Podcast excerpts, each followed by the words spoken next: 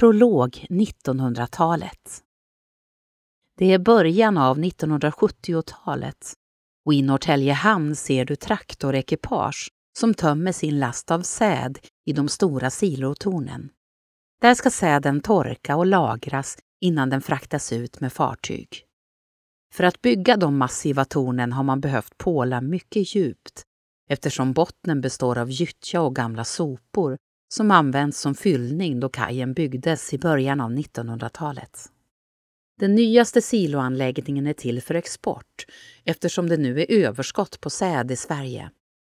Exporten går med fartyg till Sovjetunionen och Tyskland.